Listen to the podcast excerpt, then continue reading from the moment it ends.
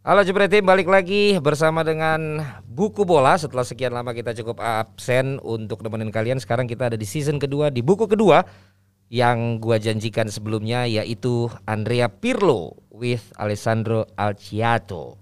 I think, therefore I play. Saya berpikir karena itu saya bermain Gue tidak langsung ke chapter 1 tetapi kita akan masuk ke pembukaan atau introductions karena ini diberikan oleh Cesare Prandelli Italia Manager waktu buku ini dibuat dan ini memberikan sebuah introductions yang sangat menarik untuk gue bacakan. Andrea Pirlo is a player who belongs to everyone. Guys like him should be a protected species. Every ground is Andreas ground. Fans look at him and see a universal champion capable of taking them beyond the concept of supporting a single team. They see Italy. Andrea Pirlo adalah seorang pemain yang memang dimiliki oleh semua orang. Orang atau pemain seperti dia memang seharusnya menjadi satwa yang harus dilindungi, spesies yang harus dilindungi. Semua lapangan adalah lapangannya Andrea. Fans melihat dia dan melihat seorang juara dunia yang dicintai oleh seluruh dunia. Dan melihat seorang Andrea Pirlo mereka melihat Italia.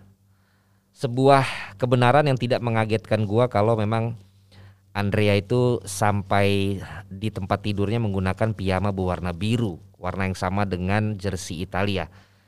Cintanya kepada jersey itu tak terbatas dan benar-benar mengikat antara dia dan Italia. Sebelum gue bicara tentang Andrea hari ini dan nantinya maupun juga selamanya kita harus melihat hari-hari di mana gue melatih tim mudanya Atalanta. Jadi tanggung jawab gue si Prandelli ini adalah Alievi. Alievi itu artinya gue harus buka dulu di belakang the pupils ya dia melatih pemain-pemain yang muda jadi dia juga harus bisa melihat mana pemain-pemain yang berbakat. Dan selama minggu demi minggu mereka bisa melihat dan juga bisa berbicara tentang lawan-lawan yang tangguh dan pemain-pemain muda yang potensial untuk bisa tampil di musim ini dan musim-musim depan. Dan biasanya kita bicara tentang pemain-pemain dari Milan dan Inter. Tetapi kali ini banyak banget orang yang ngomong tentang Brescia. Banyak banget orang yang ngomong tentang Brescia. Ini adalah rivalitas local pride antara Brescia dan juga Atalanta.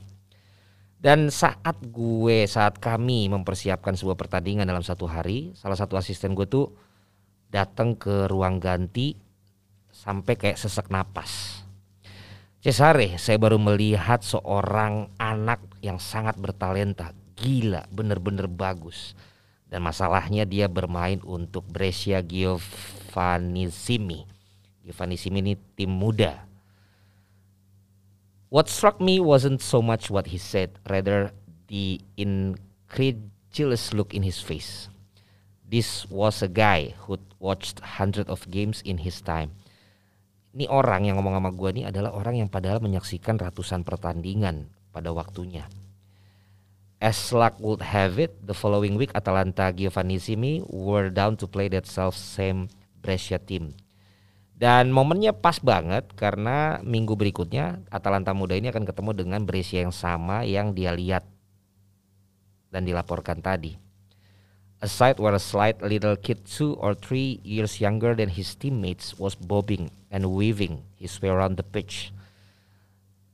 Momen di mana gue bisa melihat ada pemain yang 2 sampai 3 tahun lebih muda daripada teman-temannya itu mainin bola luar biasa sepanjang lapangan dan namanya adalah Pirlo. Dia membuat gue tidak bisa berbicara. Gue tidak pernah melihat seperti itu. Dan gue punya impresi bahwa semua orang melihat dia dan melihat dia sendiri berpikir sama seperti yang gue pikirkan. This is the one. Ini dia orang orangnya. This is the new talent ini dia talenta baru. In the eye of others, he's never been a child. Di mata banyak orang dia tidak pernah menjadi seperti seorang anak-anak. Pirlo membawa orang bersama-sama karena dia itu adalah sepak bola itu sendiri. Dia adalah pemain paling skillful dari pesepak bola. Pemain yang tidak pernah melakukan sesuatu yang salah. Dia adalah esensi dari sebuah pertandingan. Untuk alasan itu, dia dikenal sebagai talenta global, pemain yang bisa mengirimkan pesan positif dengan setiap sentuhan yang ia lakukan. The, the, message is, the, is that sometimes even normal guys can be truly exceptional. Sebuah pesan yang sebenarnya untuk orang-orang normal pun ada sebenarnya pengecualiannya. Orang-orang yang waktu itu beruntung di Bergamo itu bisa menjadi saksi dari kemampuannya. Di lapangan, he goes about his business with a disarming non-challenge. Few and far between are the players even capable of conceiving of some of the things he does. Tidak mengejutkan kalau di akhir setiap pertandingan Italia banyak antrian dari pemain-pemain lawan yang ada di luar dressing room kita atau kami untuk meminta tukar kaos sama dia. Mereka sang lawan-lawan ini juga menyukai dia. Dan yang luar biasa Andrea ini adalah seorang silent leader, pemimpin yang diam. Something that's not easy to find in the world of football, sesuatu yang tidak banyak ditemukan di sepak bola. Kembali lagi ke masa-masa pertandingan itu sebelum kembali lagi ke masa-masa pertandingan dulu sebelum gue jadi pelatih, gue tahu seseorang namanya Gaetano Skirea. Dia bisa dibilang Andrea tuh mirip-mirip lah sama dia. Bagaimana cara dia untuk bisa mengatur memimpin itu mirip banget, identical. On the rare occasions when these silent leaders choose to say something dan di saat-saat yang jarang ketika silent leader tipe silent leader ini memilih untuk berkata sesuatu, pemain-pemain lain di dalam ruang ganti itu akan diam dan mendengarkan. Gua menjadi saksi ketika Gaetano itu menjadi seorang silent leader di timnya. Dan sekarang gue juga bisa melihat seorang Andrea saat gue menjadi pelatih dari tim nasional Italia. Saya tidak pernah lupa dengan pengalaman-pengalaman itu. Pada satu kesempatan, I was full of, saya penuh dengan kekaguman. Dan di kesempatan lain saya tetap kagum dengan dia. Dan pelajaran itu sangat jelas. Pemain yang memilih untuk tetap mengecilkan suaranya, tidak terlalu banyak ngomong, ternyata akan mendapatkan rewards pada akhirnya. Dan rewards itu termasuk dengan respect dari orang-orang yang ada di sekitarnya. Di buku ini Andrea bilang dan saya mengutip setelah 2014 Piala Dunia di Brazil, saya akan pensiun dari international football. Sampai dengan hari itu tidak ada yang berani untuk meminta saya untuk berhenti, terpisah dari seorang Cesare Prandelli. Jika memang dia memiliki tactical reasons untuk tidak memanggil saya. Saya bisa katakan bahwa saya tidak mungkin tidak memanggil dia. The most difficult thing for a coach is to say enough to a real talent. Kesulitan dari pelatih adalah mengatakan tidak untuk talenta yang memang luar biasa. Seorang pemain seperti dia dan Gigi Buffon itu benar-benar mewakili semangat dari Italia dan jika semua orang, semua pemain memiliki respect yang sama dengan memiliki respect yang sama dengan jersey itu dan negara dan seluruh dunia ini seharusnya akan menjadi dunia yang lebih baik. Setelah sekian banyak pertandingan dan pertarungan, motivasi mereka tetaplah sama seperti ketika pertama kali mereka mulai menjadi seorang pesepak bola. Andrea terlahir dengan bermimpi dan membuat kita untuk terus bermimpi. Mikirkan tentang itu, dia adalah seorang anak yang ternyata gue dulu udah lihat waktu beberapa yang lalu. Menggunakan pakaian Brescia yang kegedean dia pakai. Dan ada waktu ketika Atalanta muda ini bisa menandatangani dia. Tapi tentu itu akan menjadi sebuah penghinaan untuk Brescia. Jadi kita waktu itu akhirnya membuat sebuah meeting untuk membicarakan kemungkinan membawa dia. Tapi Presiden Atalanta, Percasi, seorang pemimpin yang juga sangat berkarisma, mengerti bahwa itu akan bisa membuat insiden diplomatis. Saya tidak akan pernah lupa kata-katanya. Pirlo stay where he is. Pirlo tetap di mana dia saat ini berada. Seorang pemain seperti dia dibiarkan harus dibiarkan untuk mendapat kedamaian. Dia tetap harus bisa menikmati dirinya sendiri dan bermain dengan bahagia. Saya tidak mau untuk membuat dia mendapatkan tekanan-tekanan ketika dia bermain. Dia harus menjadi pemain yang dimiliki oleh semua orang. Dan Percasi mengatakan itu dan mengerti dengan sempurna bagaimana Pirlo adalah pemain yang akan dicintai oleh seluruh dunia. Sebuah pembukaan yang jarang gue mau baca sampai habis tapi karena bisa kita lihat kekaguman bahkan seorang Prandelli kepada seorang Pirlo yang terbukti ketika kita semua bisa mengatakan dia mirip-mirip sama Iniesta ya yang memang menjadi pujaan bukan hanya pada pencinta klubnya tapi juga kepada seluruh pencinta sepak bola. Kita mulai dari chapter atau bab yang pertama. A pen, beautiful, granted, but still just a pen. Sebuah ballpoint indah dan bisa kelihatan mahal tapi tetap aja sebuah ballpen.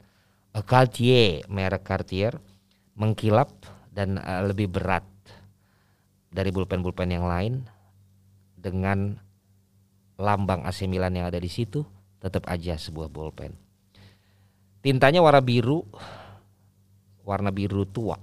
Gue melihat ke pulpen itu, gue putar-putar di tangan gue sambil berpikir. Gue berpikir dan gue mempelajari hal-hal dari beberapa angle untuk bisa memahami lebih dalam dari arti yang mau gue tanda tanganin. Mencoba untuk mengerti, mencoba untuk mengerti dengan keras bahwa gue mengalami sakit kepala pada saat nanti mungkin gue menandatangani itu. Finally the flash of inspirations arrive. Akhirnya datanglah sebuah inspirasi yang meyakinkan gue. Misteri terpecahkan. Hey, indeed it's just a pen. Bahwa hey ini tetaplah sebuah pulpen. Gak perlu ditambahin apa-apa.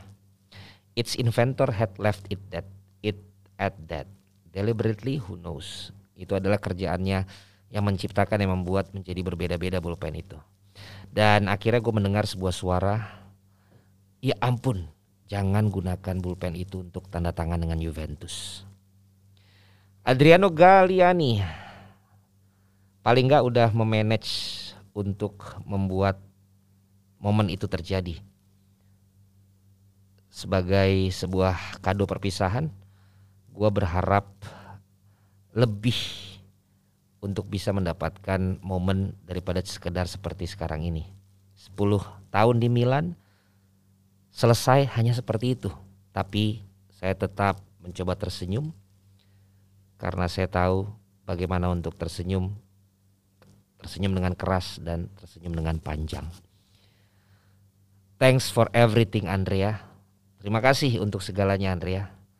Sebagai wakil presiden dan juga chief eksekutif yang berbicara duduk di balik meja saya melihat sekeliling.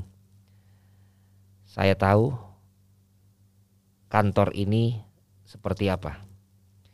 Dan gue punya memori di ruangan itu.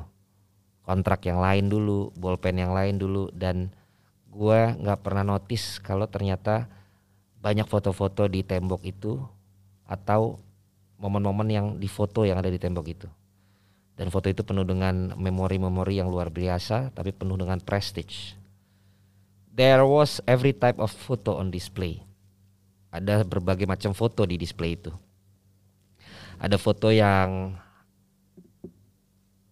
menggambarkan trofi yang diangkat ke udara. Dan juga ternyata foto gue udah diambil dari frame yang ada di tembok itu tapi tidak dengan paksaan.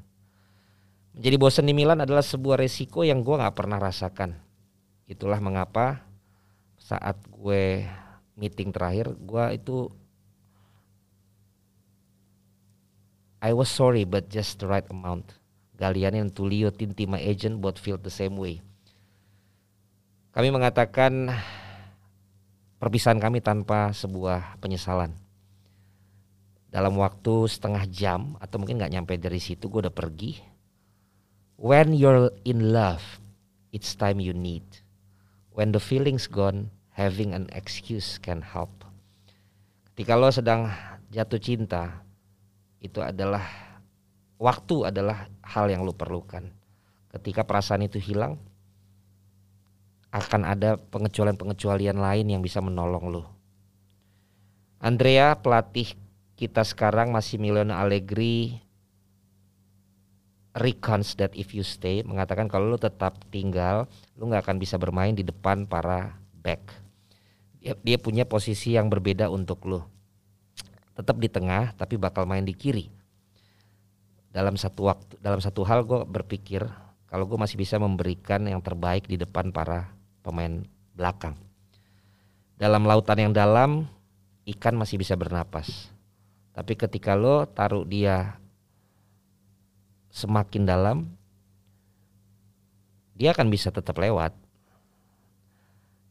Oh, dalam dalam dalam lo ketika ikan itu ternyata lo taruh di posisi yang tidak bukan di lautan yang dalam, lebih cetek, dia tetap bisa, tapi itu bukan hal yang sama dengan di lautan yang dalam.